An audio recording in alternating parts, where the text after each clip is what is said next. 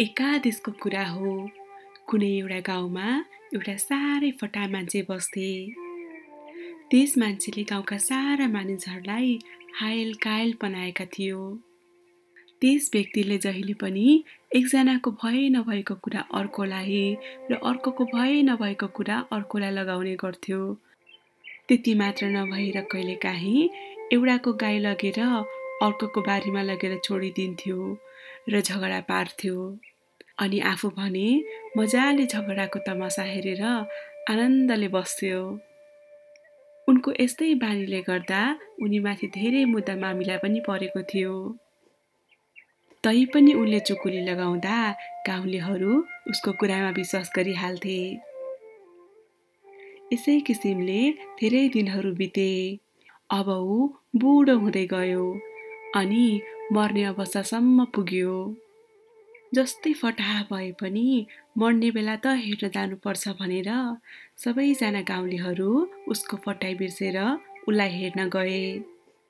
गाउँलेहरूलाई पनि आफ्नो अगाडि देखेर उसले आँसु बहाउँदै भन्यो हेर्नुहोस् गाउँले दाजुभाइहरू हो मैले तपाईँहरूलाई बाचुन्जेल केही सेवा गर्न सकिनँ र खालि दुःख मात्र दिइरहे। अब यसको सजाय मलाई दिनुपर्छ। तसर्थ म एउटा कुरा भन्छु तपाईँहरू मान्नुहुन्छ? गाउँलेहरूले पनि उसको दुःखले भरिएको कुरा सुनेर जवाफ दिए। हुन्छ हामी तयार छौँ। के कुरा हो? त्यसपछि त्यो फटाहा मानिसले भन्यो हेर्नुहोस् अरू त केही छैन। म मरेपछि मेरो मुखमा एउटा काठको किला ठोकिदिनुहोस्। त्यसो गर्नाले मैले आजसम्म गरेको पाप सबै नाश भएर जान्छ।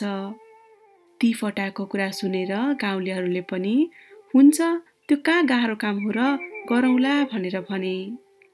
त्यसको केही बेर पछि नै त्यो मान्छेको मृत्यु भयो। गाउँलेहरूले पनि उनले भने जस्तै गरेर काठको किल्ला उसको मुखमा लगेर थोकिदिए र उनलाई जलाउन भनी मसान घाटतिर लगे। गङ्गा नदीको किनारमा उनको लास चलाउनलाई सबै कुरा ठिक भइसकेको थियो। त्यहाँ गङ्गा नुहाउन भनी धेरै मान्छेहरू आएका थिए।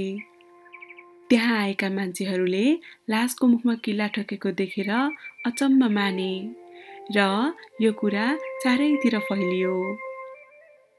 कुरा यतिसम्म छिटो फैलियो कि यो कुरा प्रहरी चौकीसम्म पुग्यो। र प्रहरीहरूले कुरा के हो भनेर बुझ्नका लागि मसान घाटमा आइपुगे। लासको मुखमा किल्ला ठोकेको देखेर त्यसपछि प्रहरीहरूले सोधे क्या हो यो? किन किल्ला ठोकेको? बिचरा सोझा गाउँलेहरूले सबै सत्य कुरा प्रहरीलाई भनिदिए तर प्रहरीले किन विश्वास गर्थ्यो र? गाउँलेहरूलाई विश्वास गर्नुको साटो प्रहरीले बरु कतै गाउँलेहरूले नै मुखमा किल्ला ठोकेर मारेको पो हुन् कि भनेर शङ्का गर्न थाल्यो। र सरजमिन बोलाइ सबैको नाउँ ठर गाउँ सोधेर लासलाई समेत प्रहरी चौकीमा पठाए। चौकीमा रहेको हाकिमले सबै कुरा थाहा पाइसकेपछि सबै गाउँलेहरूलाई थुनामा राखे र उनीहरू विरुद्ध मुद्दा दायर गरेर अदालतमा पठाए। यसै किसिमले एक दुई वर्ष बित्यो। आखिरमा बल्ल बल्ल त्यो मान्छे साह्रै फटा रहेछ भनेर थाहा पाएपछि गाउँलेहरू थुनाबाट मुक्त भए। त्यो फटा मान्छेले यसरी बिचरा गाउँलेहरूलाई बाचुन्जेल त सुख दिएन दिएन मरेपछि पनि छोडेनन्।